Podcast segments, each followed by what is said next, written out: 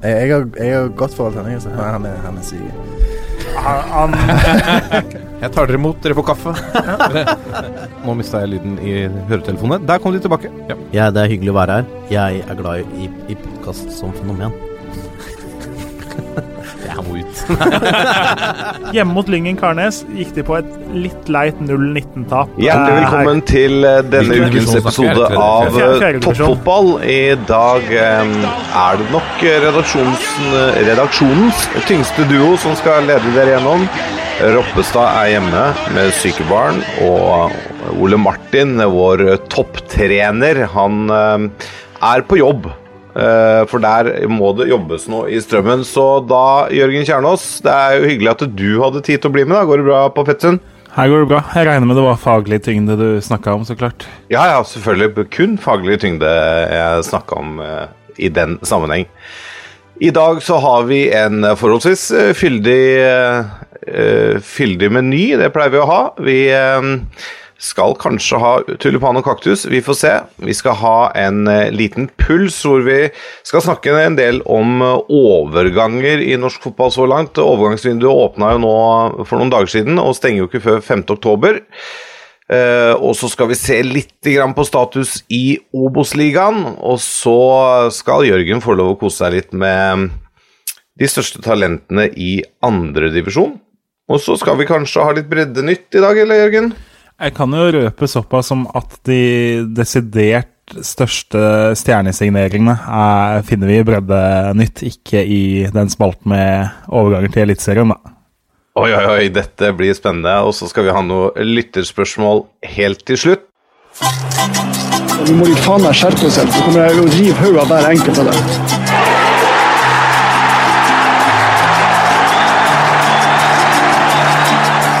Så da skal vi til eh, ukens uh, tulipan og kaktus ved eh, spaltens president, meg selv. Ja, ukens første lille tulipan den eh, sender jeg til eh, mine venner i Ranheim, som var så snille og bidro til at jeg fikk lov å gå Birken for noen år siden. For de steg opp av asken etter å ha rotet bort et solid resultat borte mot Lillesund i sluttminuttene, for å onsdag presentere den hjemvendte sønn, Christian Eggen Rismark, på strålende vis i sosiale medier.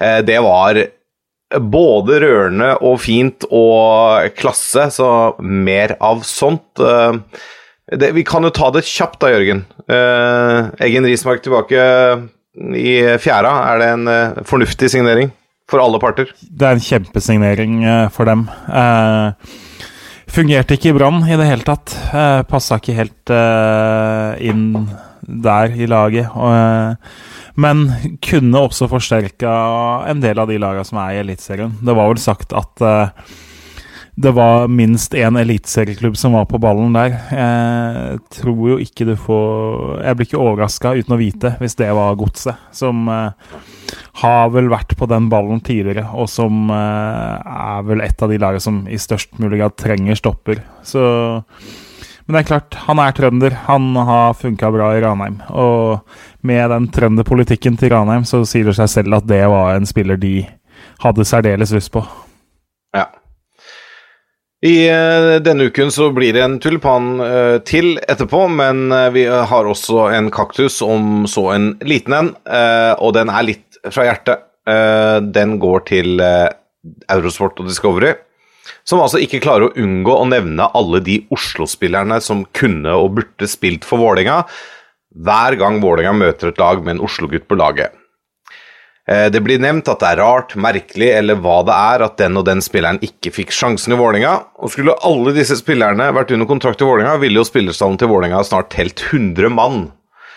Jeg sliter med å se logikken i alle resonnementene, eh, men det har jo blitt et fint narrativ da, at Vålinga ikke klarer å ta vare på talentene i egen by, selv om de på den andre siden blir hylla som en av de beste talentutviklerne i norsk fotball. Så kjære kommentatorvenner i eh, Eurosport, prøv å synge en annen sang, som eh, Glenn ville sagt.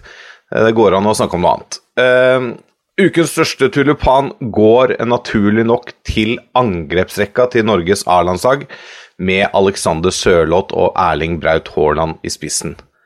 Altså, for en prestasjon borte mot Nord-Irland. Det er greit at motstanden kanskje ikke var all verden, men Nord-Irland er foran Norge på Fifa-rankingen, og 5-1 på bortebane er uansett solid. Og noen av de måla, spesielt uh, Haalands avslutninger, det er pur klasse. Haaland og Sørloth ser ut som de funker godt sammen, og jeg tenker Joshua King skal få jobbe greit for å komme seg inn på spissplass i Lagerbäcks 4-4-2-formasjon nå. Og så en bitte liten eh, siste tulipan går til kaptein Stefan Johansen, som har fått mye berettiget kritikk i det siste, eller i mange år, egentlig. Men mot Nord-Irland var han strålende og var bak fire av fem mål. Rett og slett en solid prestasjon av kapteinen. Det virka nesten som at uh, Johansen trivdes bedre ute til høyre enn uh, den venstrekanten han ofte har uh, figurert på på landslaget. Det fungerte i hvert fall veldig mye bedre i den kampen, og det Han var skapende. Det, noe av det han gjorde, var jo helt strålende. Så det blir jo spennende å se om Martin Ødegaard er tilbake. Da blir det en interessant komposisjon der. Hvis ikke så er jeg ganske sikker på at de seks som starta nå, fort er de seks samme, selv om Sander Berge er vanskelig å utelate. Det så, så altså Berge og Ødegaard gjør jo at det kan bli eh, luksusproblemer der og litt åpent hvem som spiller. Hvis ikke så er det de seks eh, som starter. Og for så vidt fire av de andre også, og så er det Hovland eventuelt som da går ut. Så, så vi sier da Jeg er usikker på Ødegaard, om han Vi får se vannformen, men hvis du sier Hovland blir Reginiussen, så tror jeg vi har laget mot eh, Serbia. I hvert fall sånn det ser ut eh, nå. Hadde både Haaland og Sørloth i den formen her fått spille eh, kvalikkampen mot Ungarn under Per-Mathias Høgmo? Eller hadde noen andre spilt spiss? Nei, det er klart at det, det hadde fortsatt blitt Markus Henriksen. Eh, det hadde ikke det. Nei, det hvis, Vi har jo lenge drømt om å ha én god spiss. Eh, nå har vi jo plutselig si to og en halv. Altså Joshua King er jo fortsatt en spiss som holder godt nivå, og så har du to som er eh, blant de fremste målskårerne og mest ettertrakta spissene i hele fotballverden. Så det, det, er jo Vi kunne jo gjerne kunne jo ønske en av dem var ti år eldre. da, At vi hadde hatt ti år med glede av Sørloth, og så kom Haaland og skulle ta over. Ja, det er gøy å ha begge to også, så Ja, det er helt Nei, fortjent, ja, fortjent uh, tulipaner til uh, landslagsgutta for prestasjonen i Belfast der, altså. Nå kommer pulsen. Og da har vi kommet til eh, pulsen, og mm, vi skal vie en del av denne pulsen til overgangsvinduet, som åpna nå mandag 8.9., og som ikke stenger før 5.10. Um, jeg jeg går litt kjapt gjennom her, eh, Jørgen. Uh, David Vega til Sandefjord etter at kontrakten med Vålerenga ble terminert. Først, er du overraska over at han og Vålerenga skilte lag? Det har jo ikke fungert for han i Oslo. Han har jo aldri klart å bli noen startspiller der, og var mye skada uh, i fjor. Uh, virker ikke å være Fagermos mann i det hele tatt, selv om han hadde en del gode kamper i oppkjøringa. Uh, I vinteroppkjøringa, som vi jo må kalle det. Så jeg syns det er naturlig at Vålerenga tenker å bruke de lønnskostnadene på en annen måte. Eh, selv om så klart at når Dønnum er aktuell for utlandet og Seknini nå ser ut til å være avblåst, så er det jo potensielt si, skeive i angrepet med tre spisser og egentlig få kantspillere, da. Så jeg så jo Fagermo mente de var ferdig med vinduet. Jeg er ikke så sikker på det hvis Dønnum I hvert fall hvis Dønnum forsvinner ut, så må de jo ha en kantspiller. Men uh, uh, logisk at Vega får lov til å gå, og så er det en veldig god signering av Sandefjord, som jo har det minste budsjettet, og som har henta på en måte mye ymse, og nå henter en spiller som stort sett har tatt godt vare på sjansen han fikk både i Bergen og Oslo av og til, i hvert fall, og som har målpoeng i seg så lenge han får tillit. Ja, og så kjenner han, eh, kjenner han Eliteserien, og det er jo sikkert ikke noe negativt heller. Og så ser det ut som det er, og så er jo Harmet Singh kan jo fort bli nestemann inn nå. Eh, men det er klart det er en mer overraskende signering med tanke på at han har vært klubbløs nå i snart et år. Uh, har vel ikke spilt noe sted siden han avslutta sesongen med HJK i fjor. Det begynner å bli liksom ni-ti måneder siden han var på banen. Uh, jeg tenker, altså I høstvinduet så må du ha inn spillere som kan gå inn og styrke laget fra dag én. Du har ikke råd til å vente på spillere som trenger en måned på seg til å bli i kampform, egentlig. Men uh, Sandefjord har på en måte De må plukke fra jeg, Ikke billighylla, da, men uh, hente fra de spillerne som veldig mange andre vender tommelen ned til. Så for dem så er det en spiller som potensielt kan være en forsterkning, men fra første stund, det er vel mer tvilsomt. Mm. Hvis jeg til deg i fjor sommer hadde sagt at eh, Haugesund låner ut Ben Karamoko til Ålesund, hadde, hva hadde du sagt da?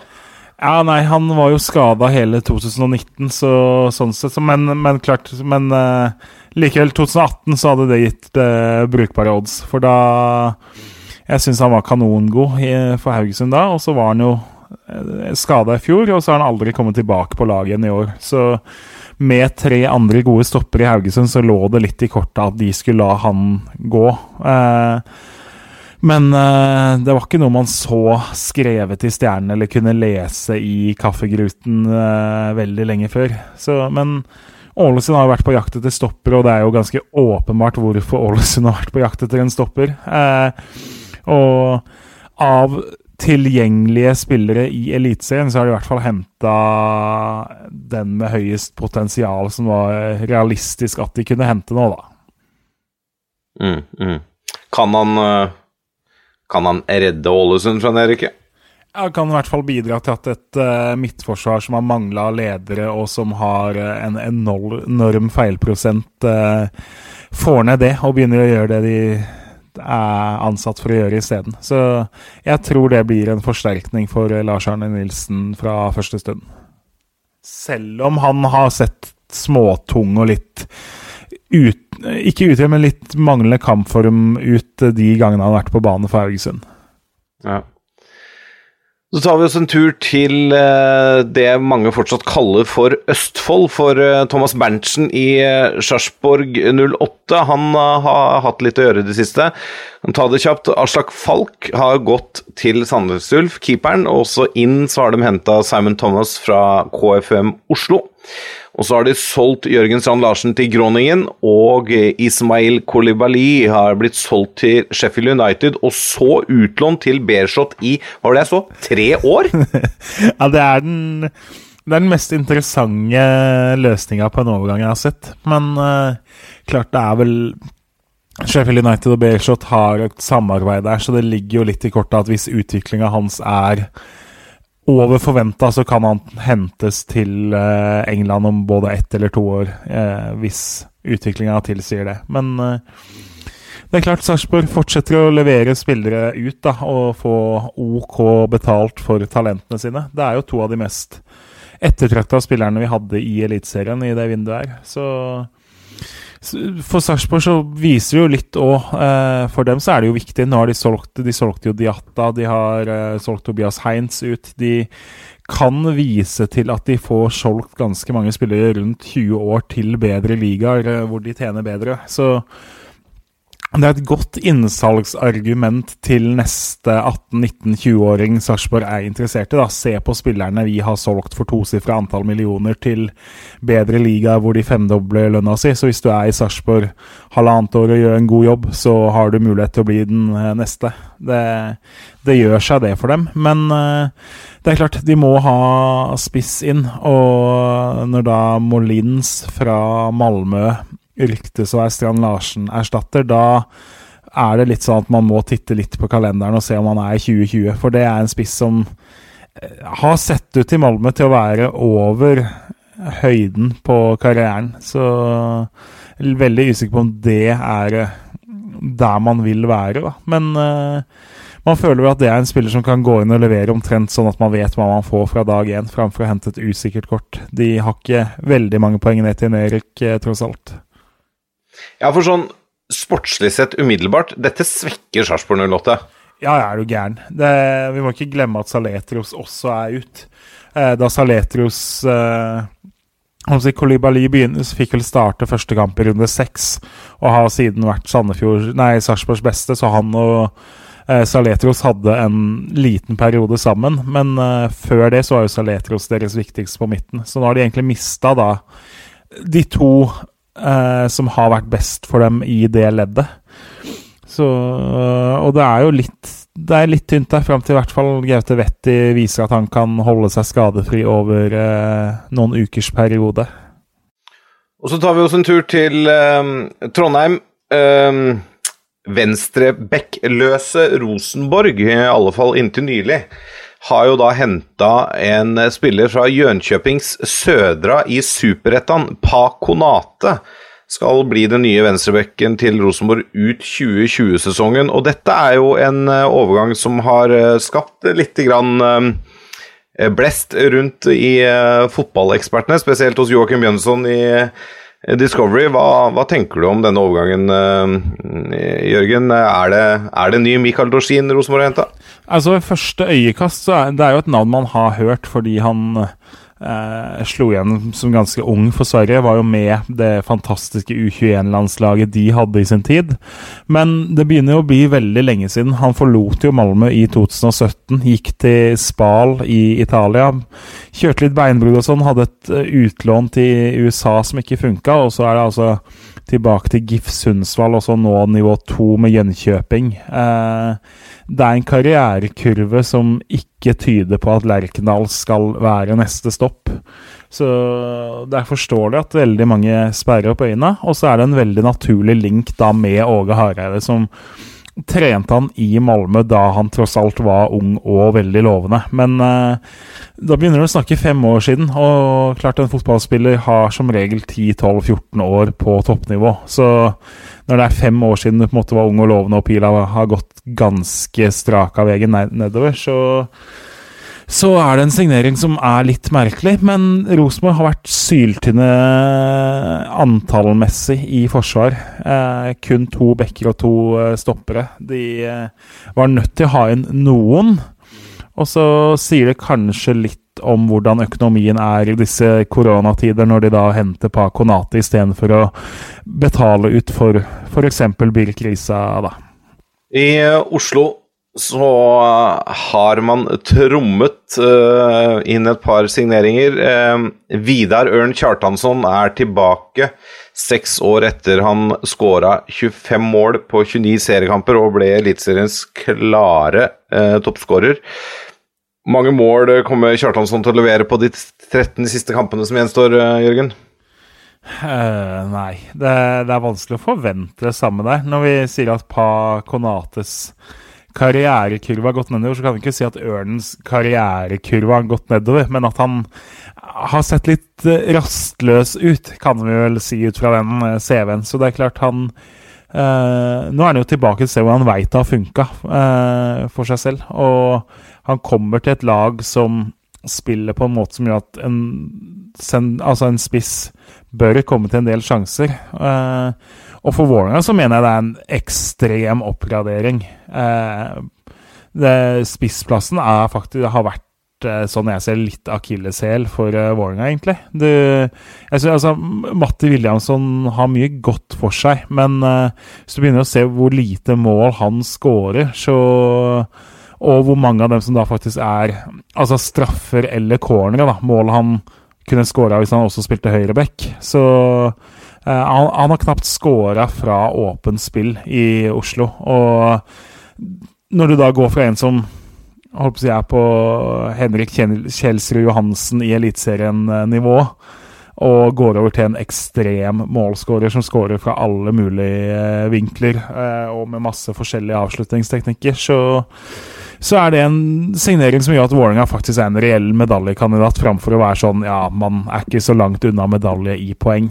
Eh, men formen til Kjartansson skal ikke skryte av å ha sett han spille veldig mye de siste årene. Eh, det, det, er jo et åpenbart spørsmålstegn som han sannsynligvis får noen svar på mot Brann eh, på søndag. Jeg er overbevist om at han starter. Han har vært såpass lenge med og trent med dem, og når du henter en sånn spiller, så er det bare å dytte det rett inn på laget, rett og slett. Og så har Vålerenga henta en en kad, altså Han er jo mest kjent kanskje som kantspiller, men skal brukes som indreløper i Vålerenga. Henrik Bjørdal hentes fra Sulte Varegem. Eh, Det er, er dette en, en fornuftig signering av Vålerenga? Er, er det en eh, sånn en, eh, Altså Ja, make sense, på en måte? Jeg tror det er en strålende signering. Han er ung, han er norsk, han er god, og han er ikke altfor dyr. Og han er anvendelig og skal først og fremst spille i en posisjon hvor Vålerenga ikke så mye i høst, men fra 2021 trengte litt fornyelse. Det er klart, eh, Skal Vålerenga være et medaljelag, så må du oppgradere fra Magnus Lekven. Og Magnus Lekven er ikke noe unggutt heller. Så uh, Henrik Kjelsrud Johansen er god nok til å spille på den høyre indreløperplassen i Vålerenga i ganske mange sesonger, og det er brukbare sjanser til å kunne få avkastning for han eh, om et par år i tillegg. Så det eh, Med mindre han har brukt koronaperioden til å ligge på sofaen og spise potetgull, så er jeg helt overbevist om at dette er en fantastisk eh, signering. Og Hvis vi da snakker litt Du nevnte eh, Matti Williamson. Eh, hvis, han har spilt litt indreløper. Hvis du dytter han ned på den andre indreløperen, og så har du Bjørdal på høyre og eh, Oldrup Jensen i midten der, Kjartansson på topp. Er det noe som ser ut som det blir litt mer tyngde i Vålerenga offensivt, sånn at det kanskje altså Én ting er at du får de tunge indreløperne inn i boksen, men vil det gjøre at Vålerenga kanskje skårer flere mål enn de har gjort så langt i sesongen?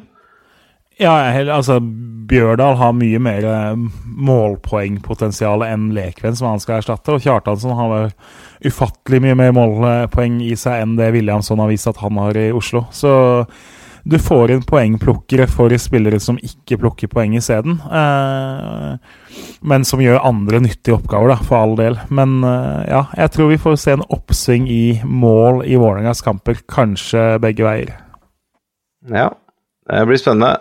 Vi tar oss en liten tur ned i Obos-ligaen. Eh, Kongsvinger har eh, henta to nye spillere fra Obos-kollegaer. Per Magnus Steiring kommer fra Sogndal, og Mahom Mahmoud Laham fra Strømmen. Ja, og Martin Hoel Andersen fra Øygarden. Og så henta de jo Herman Nils, Solberg Nilsen på lån fra Sandefjord. Og så holder de jo på med Rif Mawanda. Eh, det var et dårlig uttale ut, eh, etternavn, men broren til Frankrikes eh, nummer to-keeper, da. Som er klubbløs. Og de traff jo relativt godt sist de henta en keeper fra fransk eh, liga, som jo nå er i Bergen. Så- Ja, for det er han, broren, broren til keeperen er keeper. ja. Også i tillegg så har de jo sendt uh, Malinho har de sendt av gårde til eh, Tyrkia. De sendte Uh, han ene sørkoreaneren skulle hjem og studere og kanskje finne seg en klubb. Uh, og de Så altså, Kongsvinger har jo fire mann inn og tre mann ut, og det kommer sannsynligvis mer. Så det har vært eh, Eh, må skuffe Sarpsborg. Så langt så er det Kongsvinger som har mest action i overgangsvinduet. Det- Så Thomas Berntsen kan heldigvis slappe av med at det er lenge igjen, da. Men eh, foreløpig ledelse til Espen Nystuen i eh, action-konkurransen i overgangsvinduet. Ja, det er bra. Det er bra. Og hvis man ikke hadde fulgt med da på overgangsvinduet, så kunne man jo tenkt når man så Ullkisa her om dagen, at eh, han Kristoffer Ødemarksbakken han burde jo vært en bra spiller for eh, LSK, siden det er eh, kjent at Ullkisa og LSK gjerne bytter litt eh, spillere. Men han har jo akkurat gått på lån fra LSK til Ullkisa, og andre veien har Espen Garnås gått, altså fra Ullkisa til LSK. Er det Ullkisa som eh, Eller er det LSK som sitter på svarteper her? Ja, så klart, Ødemarksbakken er jo bare på lån, så uh, For dem så høres det ut som han uh, Han trenger å få opp selvtilliten. Han hadde jo noen interessante sitater til Romerikes Blad her. Uh, det er noe rart med det. Jeg har fått høre at jeg er veldig god gjennom hele treningsuka. Trenerne har både skrytt og gitt konstruktive tilbakemeldinger gjennom hele uka. Og så Jeg har følt meg betydningsfull igjen. Nå, når når, like, når man får like mye ros på én uke som man har fått resten av året, gjør det noe med deg. Det må jo kalles dårlig skjult kritikk av trenerne på Åråsen, vil jeg si. Eh, du, skal, du skal være holdt på å si, en god kverulant for å ikke kalle det der kritikk av eh, Geir Bakke og Petter Myhre, vil jeg si. Så uten å vite på en måte hva som skjer på Åråsen, så er det jo i hvert fall tydelig at Ødemarksbakken ikke har følt at han har fått det han trenger der. Og klart, nå skulle vi hatt med Ole Martin, som jo har trenerperspektiv på det, men det er jo åpenbart at altså, noen spillere trenger pisken for å prestere. Noen trenger presset, noen trenger å få høre at det her er ikke godt nok for å kunne prestere bedre. Noen trenger hele tida pushes for å høre at ting er bra, eh, du er god. Eh, det virker jo ikke som at Ødemarksbakken har fått det han trengte, da. Og det er klart det er mange andre spillere på uh, LSK som har sett ut som de uh, Sett ut som skygger av seg selv og det vi tross alt vet at de kan. Så uten at jeg skal sitte og på en måte felle noe dom der, så er det Det, det må kalles meget interessante sitater, da. Også spesielt når han er på lån, ikke har gjort en permanent overgang. Ja, brenner han litt bror for en eh, potensiell retur til LSK etter sesongen? Det høres jo ut Altså, klart, han har sikkert hatt mye frustrasjon over, liksom, over hvordan han har hverdagen sin, og så har han vært Han har vært elendig også. Det må vi jo slå fast. Og så liksom bygger alt seg opp, og så kommer han tilbake til uh, Ullkisa, vinner 6-1, scorer, føler at ting funker igjen. Da er det lett å liksom si litt mer enn det du egentlig hadde tenkt til avisa, da. Men eh, jeg vil jo tro at han dagen etter kamp tenkte eh, over at dette kanskje ikke var så lurt sagt heller, da, tross alt. Vi får skrive det på adrenalinkontoen. Um, Toppfotballvenn Alexander Dang har gått til Egersund IK fra Jerv på lån. Uh, et steg ned der, altså? Funka ikke i Jerv. Uh, har ikke funnet seg til rette. Har vel ikke helt funnet uh, uh, Apropos liksom det å ikke fungere med trenere. Det virker vel som at Sandstø og han ikke har vært noe match, og at Sandstø har følt han har hatt bruk helt for Dang, eller fått brukt ham på en god nok måte. og så viser det jo litt av de musklene Egersund har til å hente en spiller som eh, som det. da. Det er ganske få annendivisjonsklubber som har mulighet til å hente en spiller som Dang på Det er jo nesten i prinsippet fast, for det er halvannet år fram, og kontrakten hans med Jerv går vel ut om halvannet år, tror jeg. Så eh, Og klart, Egersund, etter en litt vaklende start, så har de begynt å se skikkelig bra ut. De har opprykk som mål, og når da Naglestad dro til USA, så var det på en måte en plass tom i angrepet hos dem. Eh, Dang i, sammen med Bob Sumare, det er ikke et eh, spisspar du gleder deg til å møte i andre divisjon, det. Nei, det um, høres ikke sånn ut. Vi kan også ta med oss at Leo Shiri Østegård uh, har gått uh, til Coventry på lån fra Brighton etter å ha spilt et år i St. Pauli. Og Dennis Johnsen går til Venezia fra Ajax har vi tatt med oss et par norske utenlandsproffer òg. Eh, men eh, det er jo noen uker igjen av dette overgangsvinduet. Eh, er det noen lag nå i Eliteserien som bør handle, og eventuelt hva bør det handle, Jørgen? Det er veldig mange som bør handle. Eh, klart Ålesund har jo nå funnet det de trengte mest, men de frykter jo at Frid Jonsson skal forsvinne. Det er interesse for han. Da må de ha noen i angrep. Jeg regner jo med at de uansett kommer til å prøve seg på si, korttids- og lånemarkedet og hente både kantspillere og kanskje noe på midten, selv om mange er på vei tilbake der. Eh, Mjøndalen har jo eh, tross alt et angrep som har skåra 13 mål på 16 kamper. Det, det, er veldig rart om ikke Mjøndalen sonderer markedet grundig for eh, spisser i, rundt om i Skandinavia og kanskje lenger unna. Start har jo henta både Bolanjos og henta midtbanespiller eh, så langt. Men eh, det er jo et forsvar der som ikke hadde hatt vondt av en oppgradering på stoppeplass.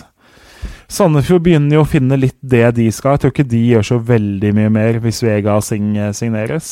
Sarpsborg må erstatte Strand Larsen, må finne noen løsning på midtbanen i tillegg, mener jeg.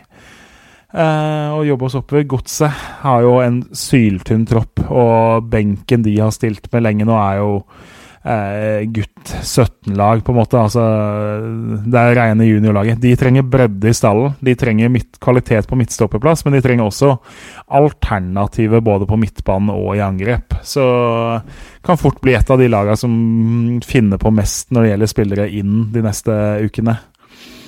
Viking syns jo ting begynner å sette seg der, men klart Pereira ut. De påstår at de er fornøyd da med å kunne ha Vevatnet og Vikstøl som alternativer, men uh, ikke helt overbevist der. Jeg tror vel ingen blir sjokkert hvis det kommer en venstrebekk inn uh, i Stavanger.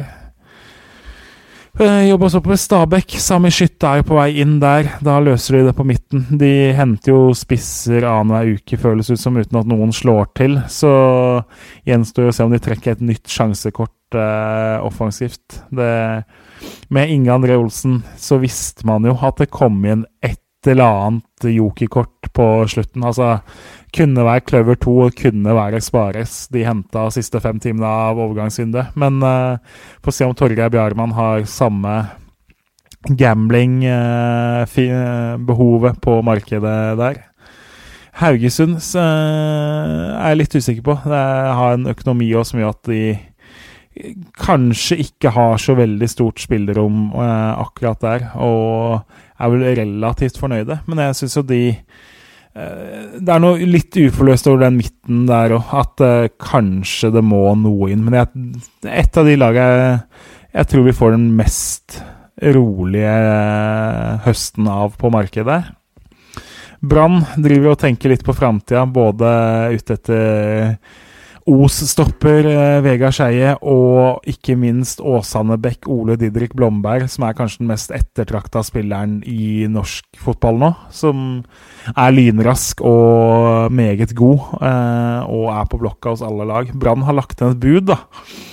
Og så er det litt sånn at Brann og Åsane har et godt eh, kompaniskap, men så har Brann lagt inn et bud som er lavt på han. Eh, så det er litt diskusjoner. Bør Brann få han bare fordi Brann er naboklubben og største klubben i Bergen? Eller se Åsane for seg at hvis det kommer inn et bud som er dobbelt så bra fra et annet lag, at de selger dit? Det, det kan bli en interessant sak utover både høst og vinter. Mm. Hva, hva, gjør Brann nå hvis Komson uh, blir solgt?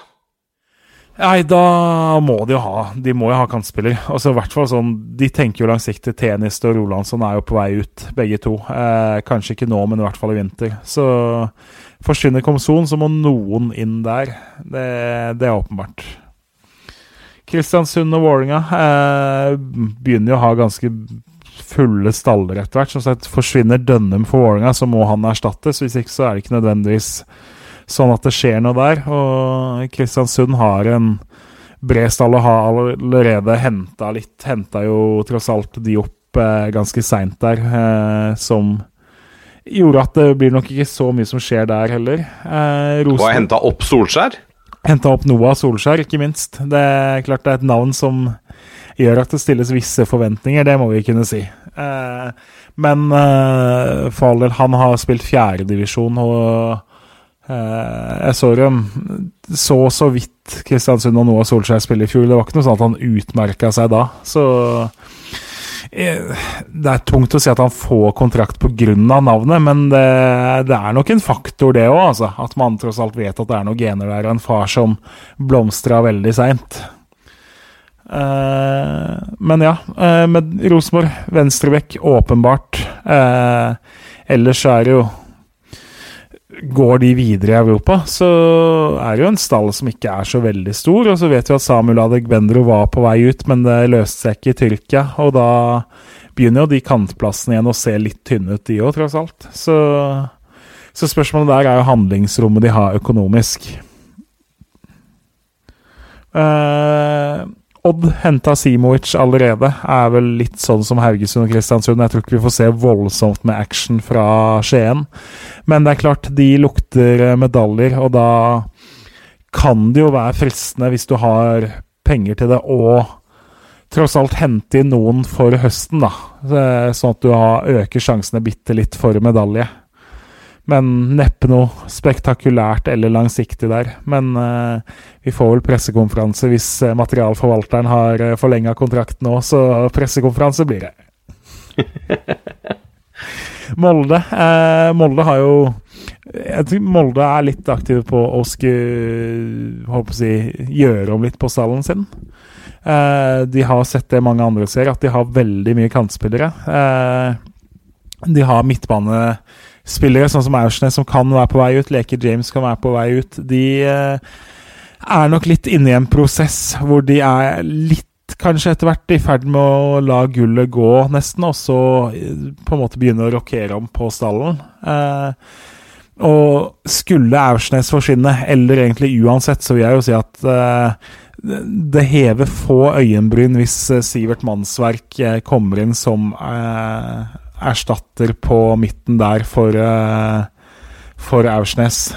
Det, det ville jo vært en eh, meget typisk Molde-overgang å hente et talent som jo er kanskje den mest spennende spilleren vi har i Norge for øyeblikket. Jeg syns eh, eh, Vi sporer jo litt av fra overgangen, men det er klart, altså Sivert Mannsverk er en enormt lovende midtbanespiller. Han er 2002-modell og kaptein for Sogndal og dødsgod i hver eneste kamp. Og har nesten alt som skal til på sentral midtbane. Og så har han vel uh, Hvis jeg ikke husker helt feil, så er det vel Jim Solbakken som har blitt agent for han nå. Det har jo skjedd før at eh, de mest lovende talentene som har fått Jim Solbakken som eh, agent, har endt opp i Molde. Og det er klart, og så kan man på en måte tulle med det og liksom at det, den linken han har, men Molde har jo samtidig vist at de har tatt veldig godt vare på veldig mange av de talentene, da, og fått sendt dem videre ut i løpet av ett eller to år. Så så hvis man skal spå én overgang framover, så ville det vært en mulig overgang, og da kanskje den, den beste overgangen som gjøres òg. Det skal mye til for å toppe. Bodø-Glimt, der ryktes det jo både at venstrebekker og midtbanespillere og kantspillere og det som er, skal ut fordi at de er så gode for tida, mens Bodø-Glimt har jo heller meldt at uh, de ønsker egentlig å forsterke laget framfor uh, gullhøsten. Men Sami Skytte ser jo da ut som han havner på Nadderud. Ellers så tror jeg de jeg tror det skal meget gode bud til før de lar Patrick Berg eller Fredrik Bjørkan eller Jens Petter Hauge gå nå. Sinkernagel er jo en litt annen case med tanke på at han har utgående kontrakt, da. Eh, det er jo egentlig Der sitter jo ikke Bodø-Glimt med på en måte begge hendene på rattet. For det, hvis Sinkernagel skulle få et kjempetilbud fra en klubb, og, si at, og så går han til daglig leder og sier at 'jeg har signert for' den klubben fra 1.1. Da klart, da må jo Bodø-Glimt vurdere på en måte hvis det dukker opp et bud. Men jeg tror jo Bodø-Glimt kan lese håper jeg, en mål- og målpoengstabell og se hvor viktig Sinkernagel er. Så jeg tror Jeg er ganske sikker på at han blir på Årås Nei, på Årås nå, jeg hører på Aspmyra eh, i høst, fordi det, det gir ikke mening si at han signerer for en ny klubb fra 1.1. Så hvor mye skal Glimt ha før det er logisk å selge han og sånn som posisjonen deres er på tabellen? Det, det gir liksom ikke mening å selge han for to millioner da, og så får du ikke brukt han de siste elleve kampene den sesongen her. Men jeg tenker for spillerne i Glimt òg, da. Nå er de med på eh, å skrive historie. De har aller tides mulighet til å bli eh, nordligste seriemester noen gang, er det vel. Eh, de har alle tiders mulighet til å på en måte ja, skrive seg inn med gullskrift i norsk fotballhistorie. Eh, er det noe fotballspillere annet enn Jens Petter Hauge tenker på? At dette har jeg lyst til å være med på? Jeg tror veldig veldig mange av dem har ekstremt lyst til å være med på det. Og jeg tror Fredrik Bjørkan og Patrick Berg kjenner på at det, eh, det skal være tungt å forlate Bodø-Glimt sånn som ting er nå, og ikke få være med på det her. Jeg tror jo Men samtidig, da. Det er jo mulig å gjøre sånn som man gjorde med Evjen. Eh, selge nå, og så formaliseres overgangen i januar. Men eh, For det er klart, altså for Bodø-Glimt òg, så er det de kan få en god pris for de spillerne nå. Det er ikke sikkert de får samme prisen i januar. Det kan hende de slokner og taper fem kamper i høst. Og da eh, får de et bud på 10-15 millioner for Bjørka nå, så er det helt riktig å selge. For det skal veldig mye til for at de noen ganger får et bedre bud enn det på han. Sånn fungerer markedet. Det Bodø-Glimt er en liten klubb. Hadde han spilt i Rosenborg og gjort det samme, så kunne man håpa på tre ganger så mye penger eh, med lang kontrakt. Men altså, runder det ti mil for han, så er det bare å selge. Men så klart først og fremst fra 1.1., da. Og det tipper jeg jo spillerne også vil være innstilt på, å få lov til å være med på det her. Det, hvis ikke så blir det jo litt sånn som hvem var det? Han ene på Lyon som eh, de holdt på å gå hele veien til Champions League-finalen, men han fikk jo ikke være med på moroa, for han hadde signert for Vara. Var det Freiburg eller et eller annet sånt noe, liksom? Du, tenk, tenk han satt og håpa Altså, han hadde jo blitt Champions League-mester hvis Lyon hadde vunnet, men tenk å sitte og se Champions League-finalen eh, Lyon spiller, du vet at du skulle spilt Champions League-finale, og så får du ikke være med fordi at du har signert for et lag som endte på tolvteplass eller et eller annet i Bundesliga. Eh, det var sikkert ikke Freiburg, men det var liksom et lag som Det var liksom ikke et topplag heller, da. Så, og sånn er det jo for Fredrik Bjørka nå. Tenk å sitte på benken i Heerenveen og se at Bodø Glimt vinner gull. Du får det gullet i postkassa, men du får ikke liksom vært med på stemninga. Du mister det kuleste øyeblikket i livet ditt for å da sitte på en hybel i Nederland eller Belgia eller et eller annet. Det, det sitter langt inne. Ja, jeg ser den. Vi får satse på at eh, Bodø-Glimt beholder sine sentrale spillere ut sesongen, sånn at eh, det i hvert fall blir spenning om gullet hele veien. Vi tar heisen ned en etasje til Obos-ligaen og skal se litt hvordan det ligger an der etter nesten halv, halvspilt serie. Det er spilt 14 serierunder. Vi har Tromsø som serieleder med 32 poeng. Um, de starta jo sesongen formidabelt, og så kom det to tap. Og så etter det så har de to uavgjort og to seire.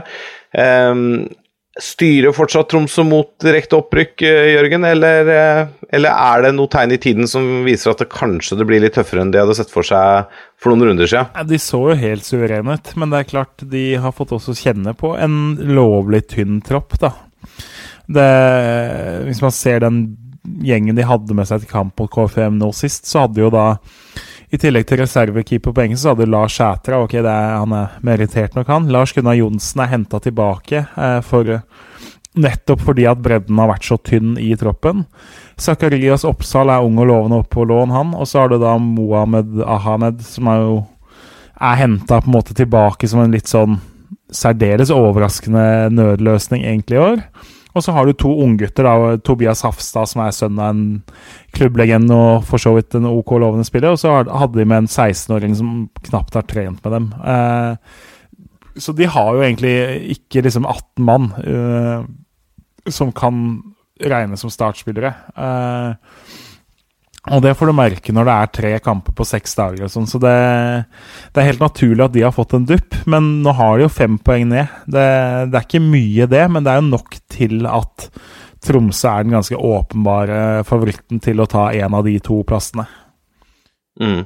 Jeg har jo øh, Hvis vi ser litt på um, forfølgerne, da, fra ja, Vi kan jo si fra Grorud på syvende da, på 20 poeng og opp til Ranheim på andreplass med 27, så er det jo Disse kjemper jo kanskje akkurat nå nærmest om å, om å bli med Tromsø opp. Jeg har uttalt at jeg tror faktisk Lillestrøm nå rykker direkte opp, da, etter at de nå har gått syv seire uten tap, og de snur hjemme mot Ranheim. Syv kamper, hva var det jeg sa? Syv, syv seier uten tap. Det... Syv seier uten tap, ja. Nei, de har syv kamper, for de har spilt tre øvert inni der. Eh, de snudde hjemme mot Ranheim sist, lå under til det ikke var så lenge igjen, og vant til slutt 3-1. Det tror jeg var en sånn boost de trengte, med også Bjørn Bergman Sigurd og sånn inn, da.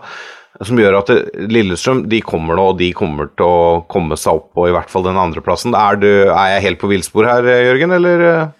Det er jo ikke noe tvil om at den seieren nå sist, altså ti poeng kontra fire poeng opp, det var jo Som du sier, altså det kan fort ha vært det som avgjør det til slutt. At de faktisk klarte å vende det på slutten der. Ti poeng hadde vært for mye. Da hadde de eh, knapt hatt råd til eh, et eneste feilsteg. Eh, hvis Ranheim hadde vunnet den kampen, så kan du si da hadde Ranheim avgjort, avgitt tolv poeng på 14 kamper så langt i år, hvis det hadde blitt sånn. Uh, da er det tungt å ta inn 10 poeng på dem. For det er å si at de taper 15 poeng i høst uh, igjen. på en måte. Da måtte, hadde Lillestrøm hatt råd til ett tap og én uavgjort, og så måtte de under 14 av de 16 siste for å ta inn det. Det skjer jo ikke. Så, men det er klart, de, Thomas Lene Olsen viste at han kan være avgjørende der. Uh, og jeg også holder jo favoritt vil jeg ikke kalle dem, fordi det tross alt er fire poeng opp til både Ranheim og Sogndal. Men at Lillestrøm At veldig få vil være overraska hvis Lillestrøm tar den andreplassen, det er jeg helt enig i. Ja, for Sogndal de er i eh, formidabel form nå, de også. De har nå spilt ni kamper uten tap. Eh, tre øvert og seks seire. Det, er solid det de holder på, med oppe i Stadsbygda der? Ja, det er det. Også, som vi jo har sagt, altså Det laget er til å bli glad i, egentlig, med bare unggutter og Kristoffer eh, Hoven, som har sett ut som en kjempemålskårer, og som jo var i Eliteserien, eh, uten at han slo helt til, som nå ser massiv ut. De har to wingbacker som vel har, har til sammen snart 20 målpoeng. Eh, både mål og assist hver kamp fra både Totland og Eid. Så eh, de Ogbu, som ikke fikk sjansen i Rosenborg, ser ut som eh, førstedivisjons kanskje aller beste stopper og et kjempetalent. De har Sivert Mannsverk, som vi snakka om, som jo, hvis man ikke har sett Sivert Mannsverk spille fotball, så sett på neste Sogndal-kamp. For det eh, Så kan du skryte av at du har sett han spille da han var 18 år. For det, det er en spiller som kommer til å spille med eh, flagget på brystet i løpet av noen år, så lenge han ikke knekker beinet. Eh, rett og slett en liten, altså han ser Han gjør så riktige ting og ser så voksen ut og er så klok i Altså, fotball-IQ-en hans ser ut som den er 214. Eh, så det, det, er bare deilig å se spillere som skjønner fotball. Eh, det er nok av, med, uten å kaste noen steiner, så er det er vel nok av fotballdumme, men fysisk solide spillere i Obos-ligaen. Du har vel raske kantspillere som ikke veit når de skal gi fra seg ballen, og midtstoppere som kun er gode til å heade og uh, takle knehøyde, for å si det veldig stereotypt. Men så har du da en diamant i Sivert Mannsverk der, og så har du et lag som etter noen særdeles søvnige sesonger ser mye mer spennende ut, da, selv om de gikk på noen miner tidlig i sesongen også. Så og så har du jo da altså Sandnes Ulf, som jo er en joker, som har et veldig høyt høyestnivå, som har masse gode spillere. Uh, ja, la meg stille et spørsmål om Sandnes Ulf. Uh, tre poeng bak Sogndal. Er det et lag som Altså, jeg vet jo at du er jo en mann som av og til uh, kan finne på å se på oddsmarkedet, da, for å si det på den måten. Sandnes Ulf slår meg ikke som et lag som jeg nødvendigvis hadde satt så mye penger på. Eh, det er artig at du nevner Sandnes Ulf og oddsmarkedet eh, i samme setning. Fordi de oddsmessig er det mest interessante jeg har sett i det norske markedet på ganske lenge. Eh, Sandnes Ulf blir spilt opp eh, stort sett hver eneste kampdag. Ofte ganske solide hopp. Det vil si at det sitter folk som har mye penger, som de plasserer ut, og som har underliggende tall som tyder på at de har lite tro på det Sandnes Ulf og Steffen Landro driver med. Eh, og det, det Altså, underliggende tall og sånn, det er jo noen som på en måte uh, har det som sin gud og følger det slavisk uh, og er troe medlemmer av menigheten. Men det er klart, Sandnes Ulf har jo spillere som Magnus Grødem og Kent Håvard Eriksen som gjør at selv om de da ikke nødvendigvis spiller så bra alltid, så har de matchvinnere som veldig mange av de andre lagene misunner dem. Eh, to spillere som kommer til å ende på rundt 15 mål hver eh, den sesongen der. Og, da, og så har de tross alt et ganske bra lag ellers òg, så og så er det jo i den situasjonen at de har negativ måleforskjell, selv om de ligger så høyt oppe. Vil eh, ankomsten av Aslak, Falk gjøre at eh, det ikke blir like mye baklengs? Eh, Altså. Ja, ja, det tror jeg. Eh, Pål Heigre har, jeg, har jeg til gode å bli helt overbevist om. Jeg syns Aslak Falk er en hakket bedre keeper der, så det hjelper på. Og de klart, altså Noe av det som jo forklarer at folk med mye penger spiller mot Sandnes Ulf, når de er dårlige, så er de skikkelig dårlige.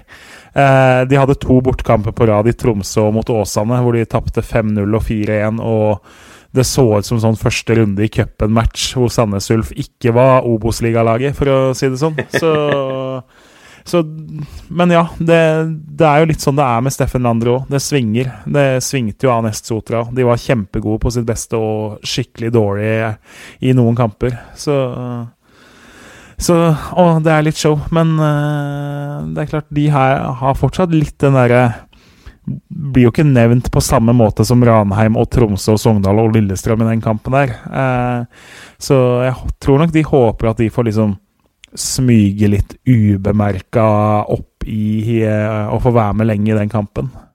Mm.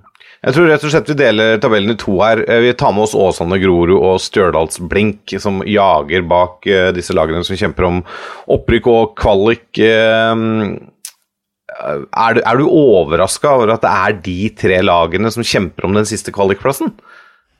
Ja og nei. Eh, tydelig spillestil på alle. Eh, gjort veldig godt arbeid veldig lenge. Tør å være seg selv og til dels gjort gode signeringer. Eh, fordi så Og så ser du jo veldig ofte nyopprykka lag gjøre det godt første halvdel, og så dette siste halvdel. Eh, så jeg må si at jeg blir særdeles overraska hvis Stjørdalsblink og Grorud er eh, kvalikkandidater veldig lenge. Jeg tror også begge de to er realistiske nok til at de først og fremst teller hvor mange poeng det er ned til kvalik og nedrykk eh, en god stund til. Åsane har enda mer imponert og har på sitt beste vært skikkelig gode. Og har jo en ekstremt tydelig og ambisiøs spillestil som har gjort at uh, de kampene hvor de har vært gode, så har det sett ut som rene leksjoner i elegant uh, angrepsspill. Uh, så har de også, tross alt, nå sist de slo Jerv 5-1, men keeperen deres fikk vel en nier på NTB-børsen likevel. Så det er, det er klart, når én spiller Altså, han fikk samme karakter som Lorentzen, som skårte fire mål.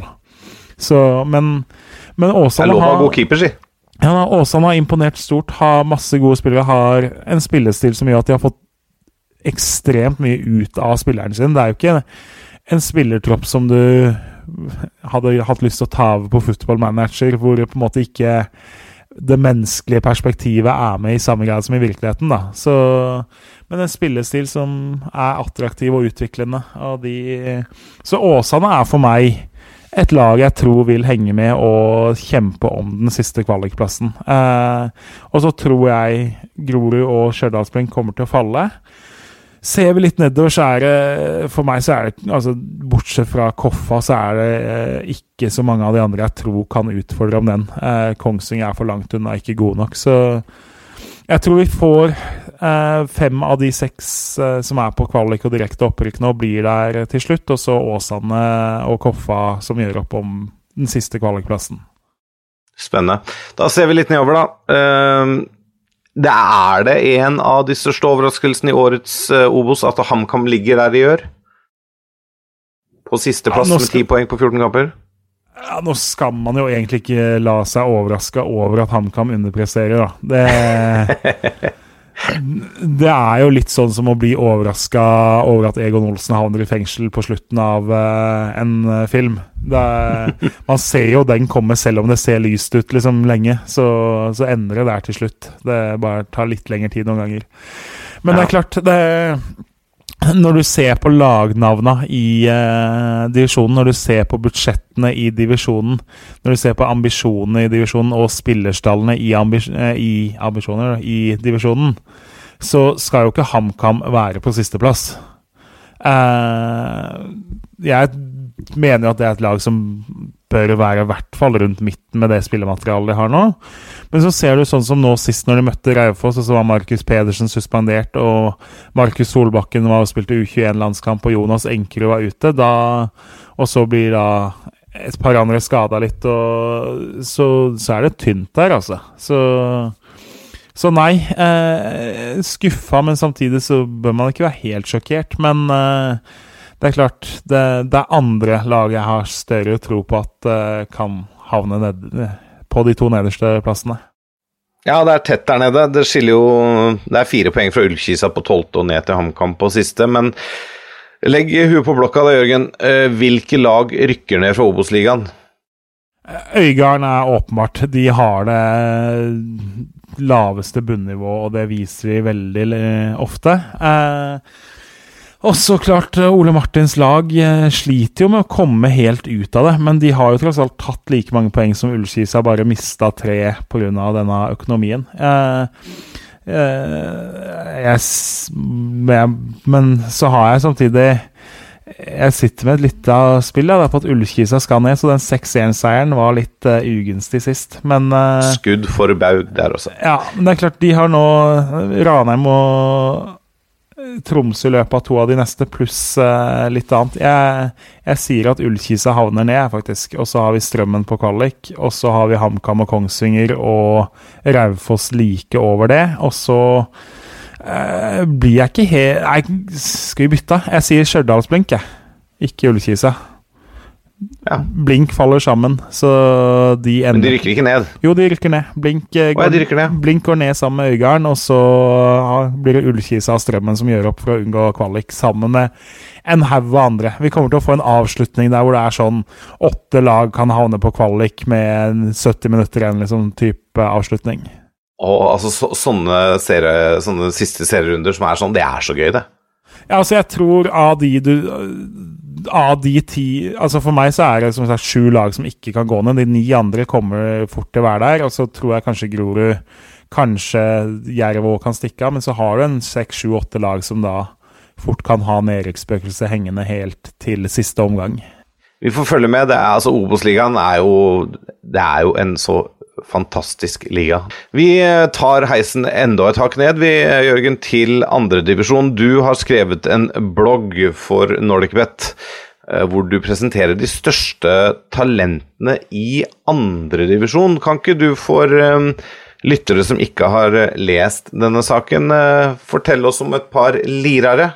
Ja, uh, uforståelig at uh, noen ikke har lest det. Nei da. Men det, jeg vil jo si at i fjor så lagde jeg samme liste, og da hadde du uh, Tre av dem har vel gått i Eliteserien, av de andre så er det fem som har gått i Obos-ligaen. Så klart, det er veldig mulig å finne talenter der. Og så har du da Jeg mener, du har jo alt fra Joakim Holtan, som vi eh, hadde som kandidat til eh, årets eh, Udal sist sesong. Årets målskårer i breddefotballen. Han har skåra ni mål på de åtte første kampene sine i Bryne. Eh, Skårer på alle mulige vis. Oser målet han. Eh, så jeg er veldig overraska hvis han er i eh, annenvisjon veldig lenge.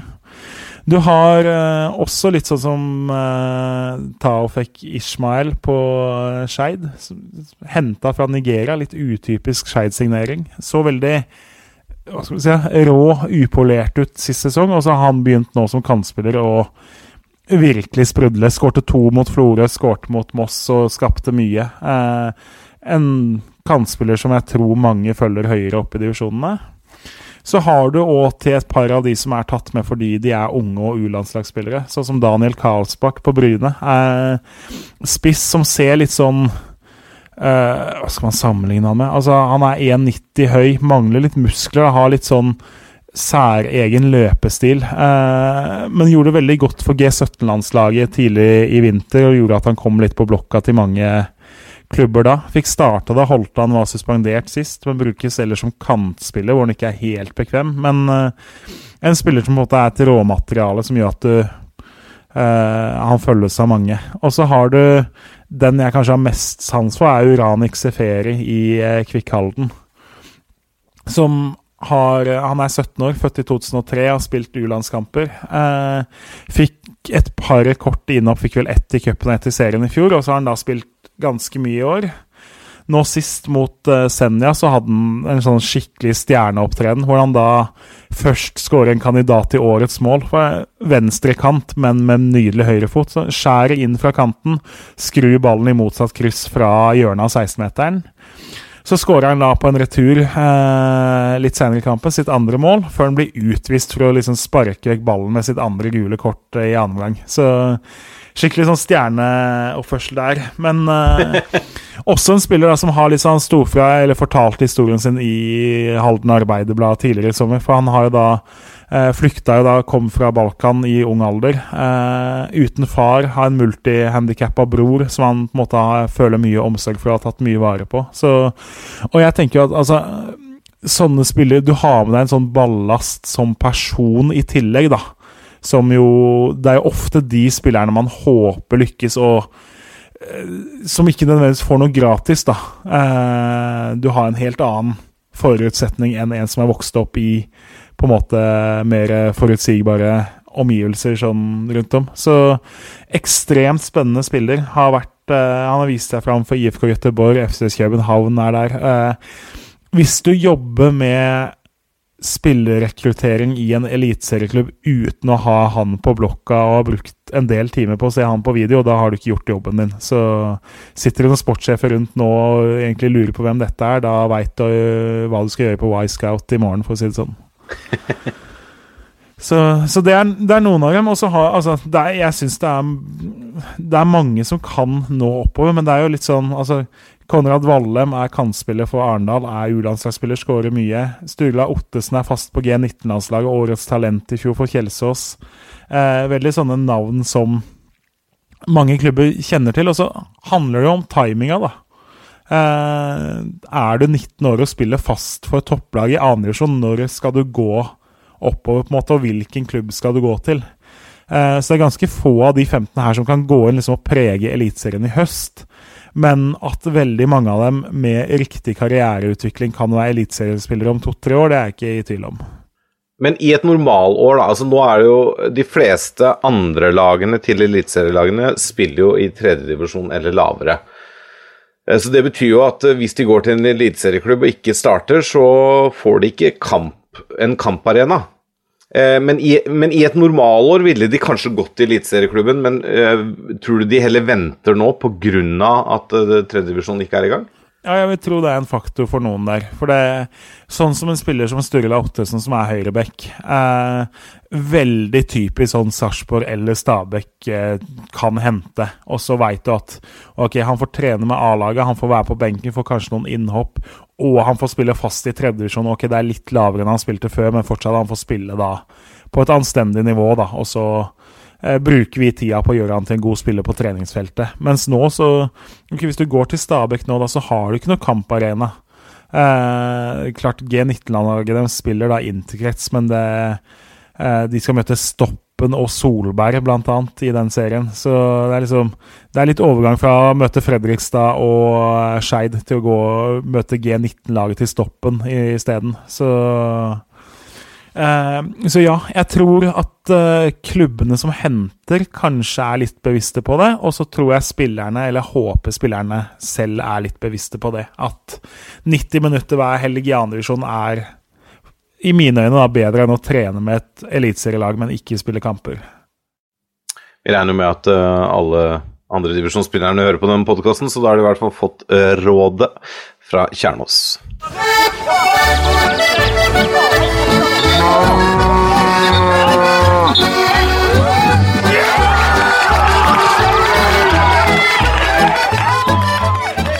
Da har vi kommet til Breddenytt ved spaltens president, Jørgen Kjernås. Det er meg. Uh, yes. Vi lovte jo bort at vi skulle ha de jeg, jeg husker ikke hva jeg sa, jeg, men det er i hvert fall de to mest stjernespekka signeringene vi har sett i norsk fotball på lang, lang, lang tid.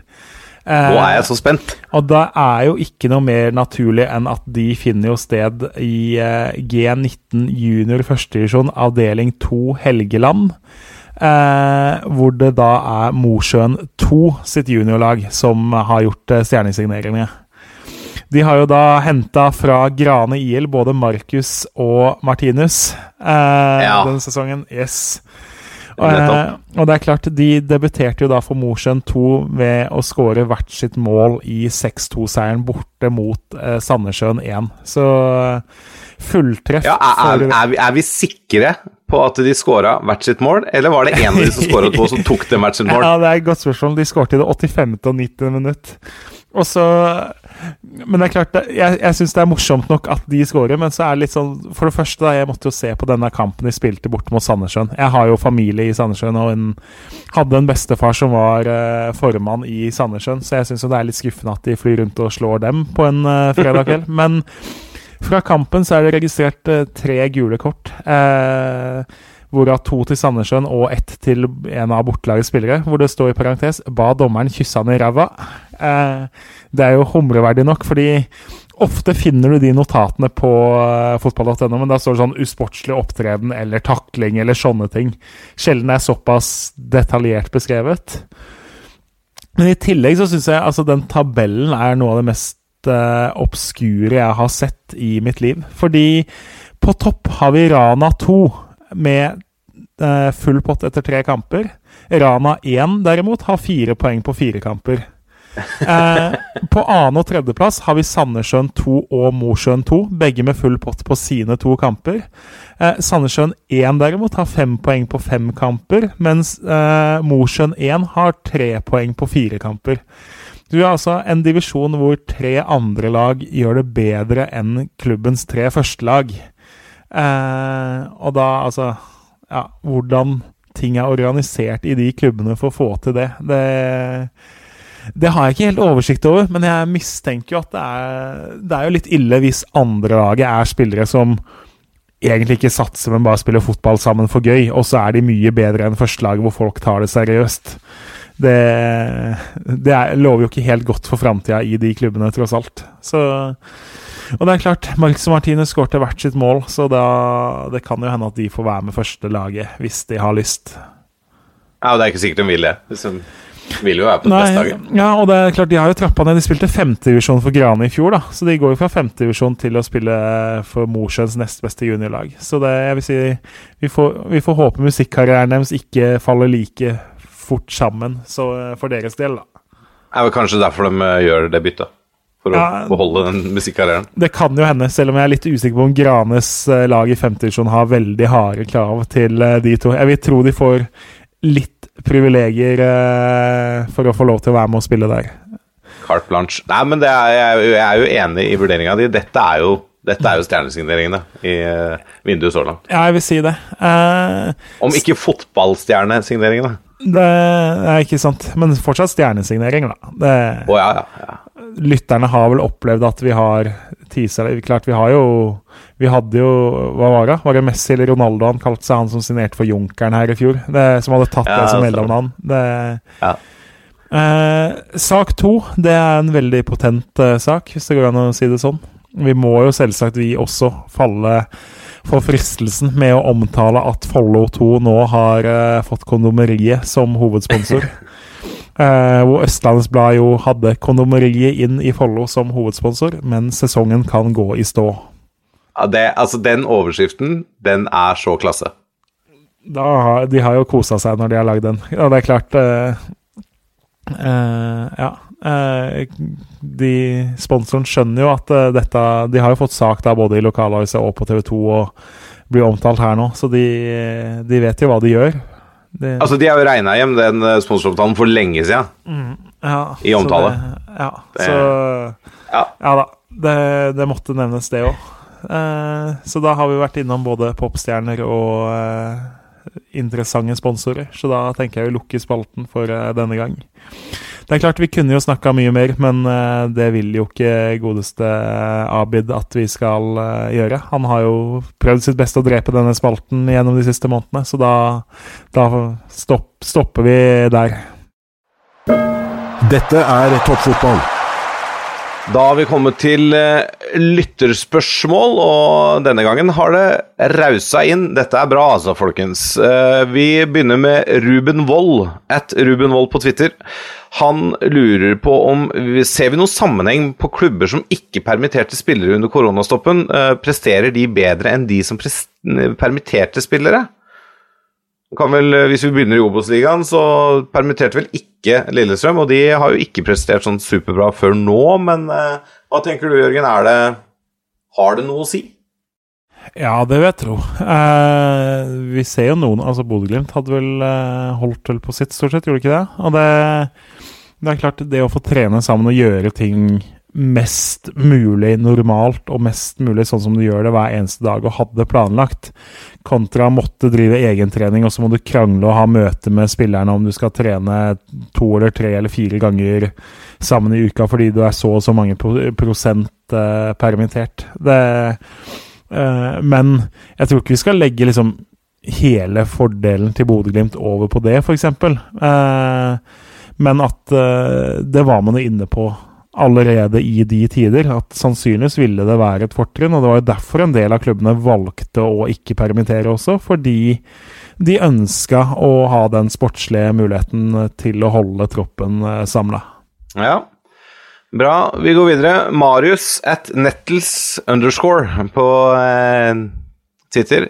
Nå som Jens Petter Hauge tapte for første gang denne sesongen med U21-landslaget, kommer det til å smitte over på Bodø-Glimt?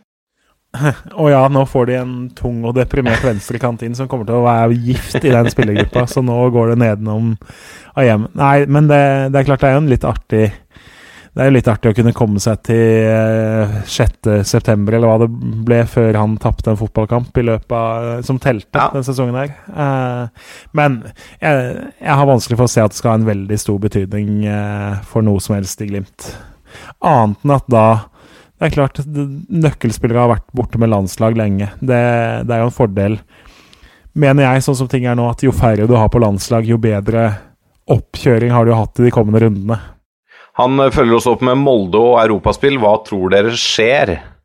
Ja, nå skal de vel spille borte på Var det Kypros det ble? Ja, nøytral bane. Mot uh, Karabakh. Eh, og det er klart, de reglene der er jo litt sånn ymse, men det var jo Jeg skjønte ikke helt det, for det det var jo et intervju der hvor Molde omtrent hørte, i VG hvor Molde nesten hørtes skuffa ut over at de ikke skulle til Aserbajdsjan. Eh, hvor jeg ikke klarte helt å følge med i svingene der. Det må jo være en kjempefordel at du får møte et lag på nøytral bane kontra å måtte dra til hjemlandet deres. Spesielt når da du skal til Baku, som er 100 timer unna med fly. Eh, så klart, det er et stykke til Kypros òg, men eh, det øker jo sjansen for at Molde skal avansere. Det er ikke tvil om det.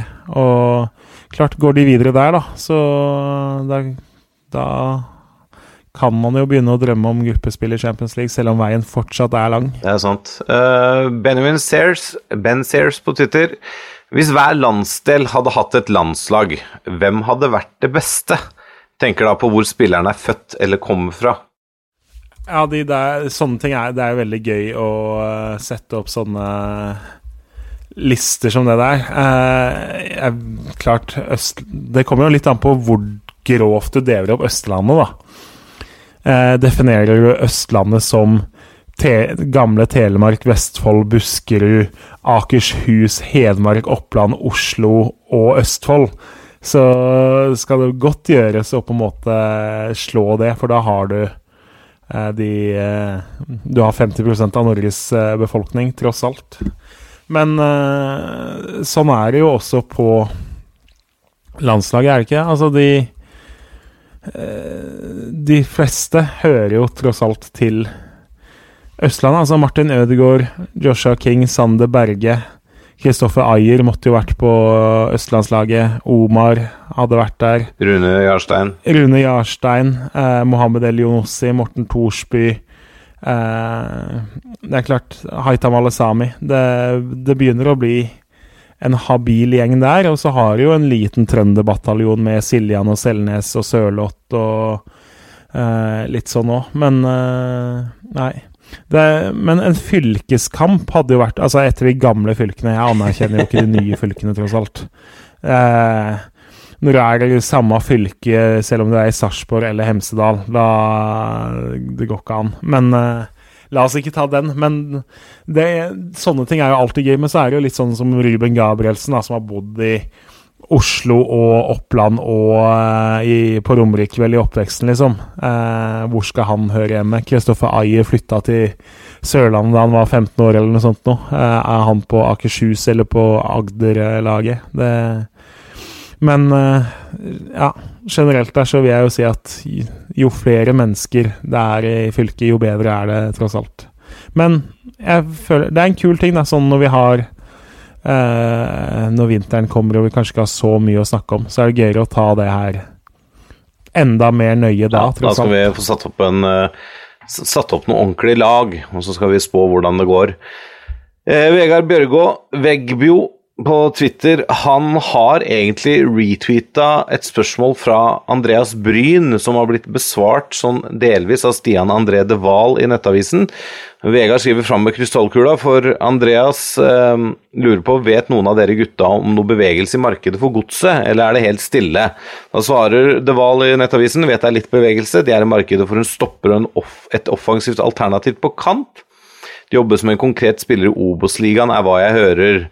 Eh, er det Ja, Du har jo nevnt det tidligere i poden i dag, Jørgen, at det godset trenger stopper og et alternativ offensivt. Eh, har, du noe, har du noe mer konkrete rykter å komme med? Er det noen spillere du kan eh, name-droppe? Nei, vet ikke. Men eh, det er klart, de har Jeg tenker jo én ting som jo er litt interessant her, er jo Kristoffer Hoven er jo tross alt drammenser. Eh, spiller jo litt sånn ut på sida i Sogndal, har kontrakt som går ut etter neste sesong. Eh, uten å vite om det er den mannen. Det er klart Når en så god spiller er fra byen din, så er det jo rart hvis de ikke i hvert fall prater med agenten hans, for å si det sånn. Eh, men så høres det som jeg sa, helt enig. Altså de må ha stopper, og så må de ha flere mann å kunne bruke framover i banen. Så det blir spennende å se hvilken hylle de henter på. I vinter så henta de jo stort sett ukjente navn. Så. Men hadde jo veldig suksess med å hente fra Obos eh, sist sommer, så det er ikke rart hvis de prøver på det igjen. Nei, håper, håper de lykkes igjen. Og så har jo sosiale medieansvarlig i redaksjonen, eh, Martin Roppestad, dratt i gang et spørsmål om eh, forslag til eh, drømmegjest hos oss i toppfotball, og det skal etter hvert bli en lyttekonkurranse, men den utsetter vi litt. Men det vi kan si, er at det har kommet inn eh, voldsomt mye gode forslag her. Eh, Ruben Wold syns vi bør få inn Bobo nå, da, fra Strømmen. Det hadde jo vært gøy. Eh, vi venter jo fortsatt på Kjernås versus Kjernås, som Daniel Fossbakken eh, nevner. Vi må få inn eh, pappa Lars. Um, Kjetil Knutsen, Bjørn Rudsagen har lyst på han, og selvfølgelig mer Marius Helgå eller Nordlink86. Um, Kenneth André Sørensen har lyst til at vi skal få en Joakim Jønsson, så han kan snakke om alt som ble feil under hans tid i uh, Fredrikstad. Det er jo litt spennende. Benjamin Sears ønsker Olav Trond og Karl Petter Løken. Og det er noen som ønsker Benjamin Sears som gjest, fordi han står jo for 90 Eh, spørsmål til 98% av alle, eh, alle rikets eh, fotballpodkaster. Eh, noen, Halvor Jordbakke, vil ha Bjørn Bergman Sigurdsson. Eh, Bent Johnsen, treneren i Lyn, er, eh, bør være aktuell i disse non-bredde fotballtider. Og Ja, nei, det er mange gode forslag her, altså. Så vi må få Martin på jobb på gjestebookinga, ser det ut som, Jørgen? Det ser sånn ut. Og så er det jo, holdt på å si nå har vi jo etter hvert blitt ganske gode på å sitte land og strand rundt og spille inn, så det, det, er jo lettere å huke med seg gjester som ikke holder til i hovedstadsområdet også. Ja, det viser seg jo at det går an å spille inn podkast uten å sitte i et studio på Akershus festning. Mm.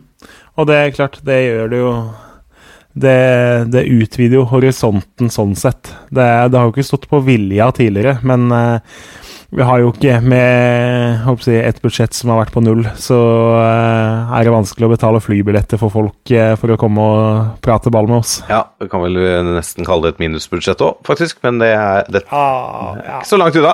Uh, men hvem, hvor som bortsett fra pappa Lars, da, hvem er din drømmegjest i toppfotball?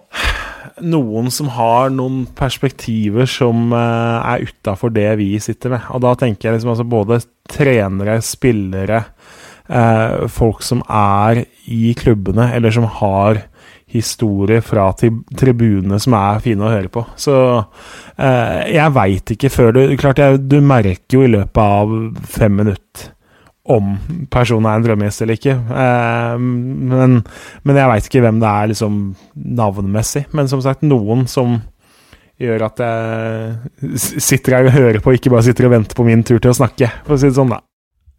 Da er utfordringen sendt videre til eh, Martin. Vi ønsker god bedring på hjemmebane. Da tror jeg vi eh, kaller det en kveld, jeg, Jørgen.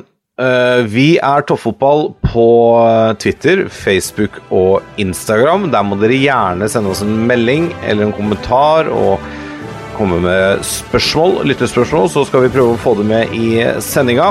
Vi har en e-postadresse som er toppfotball at 451.no. Der tar vi også gjerne imot eh, innspill og spørsmål. Og så får vi vel avslutte som vi pleier da, Jørgen, på 1, 2, 3. Vi er en gjeng. Ha det!